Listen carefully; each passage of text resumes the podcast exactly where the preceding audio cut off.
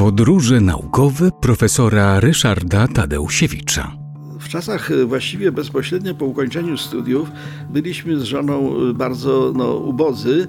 Wobec tego na żadne wycieczki e, no, do krajów, w szczególności Europy Zachodniej, naszym marzeniem była Francja, zamki nad Loarą. Mowy nie było oczywiście, żeby sobie na to pozwolić. Natomiast wtedy akurat, to były właśnie lata 70., dawało się bardzo łatwo wyjechać do Związku Radzieckiego, również w te części Związku Radzieckiego, które z punktu widzenia dzisiejszego obserwatora są niesłychanie e, egzotyczne. I w ten sposób zwiedziliśmy e, w chyba 73 roku Uzbekistan, e, gdzie zwiedziliśmy wiele miast, natomiast najpiękniejsza, najbardziej niezwykła i jednocześnie godna opowiedzenia jest Samarkanda. Trudno tam dotrzeć obecnie, a nam się akurat udało, zwiedziliśmy ją. Samarkanda to miejsce, stolica państwa Tamerlana, Timura. W latach 1370-1405, więc no bardzo dawno temu, Tamerlan, czyli właśnie wódz wywodzący się z Samarkandy, mający tam swoją stolicę, podbił nieprawdopodobny fragment świata. My się zachwycamy dokonaniami Aleksandra Wielkiego, natomiast Tamerlan podbił o wiele, wiele więcej. Iran, Irak, Indie, Gruzję, Czeczenię, Armenię, Turcję, rejon Zatoki Perskiej, Azerbejdżan, Kazachstan, Krym, Powołże, Imperium Osmańskie, nawet wojnę z Egiptem wszczął, wyprawiał się na Chiny. No, nie zdążył, bo umarł.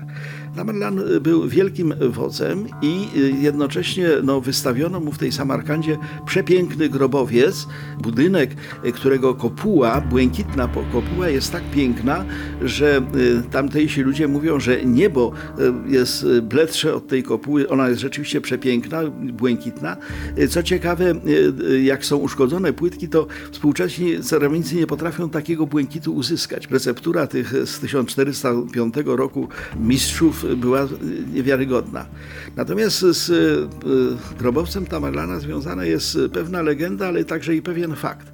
Mianowicie po jego śmierci no, stworzono bardzo piękny grobowiec malachitowy, w którym go złożono zabalsamowanego i na tym grobowcu wyryty jest napis, oczywiście po arabsku, że ktokolwiek zakłóci e, wielczny sen wielkiego wodza, wywoła ogromną wojnę.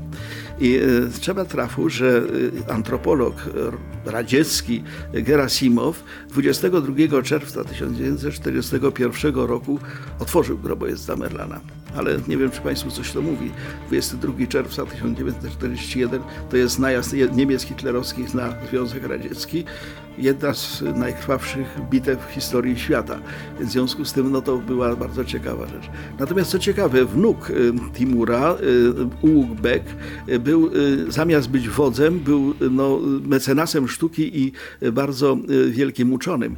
Między innymi zbudował w Samarkandzie medresę, czyli taką szkołę wyższą islamską o nazwie Shirdor. Ona jest o tyle ciekawa, że jest to jedyna świątynia właśnie muzułmańska, która jest ozdobiona lwami, znaczy tam są takie mozaiki lwów.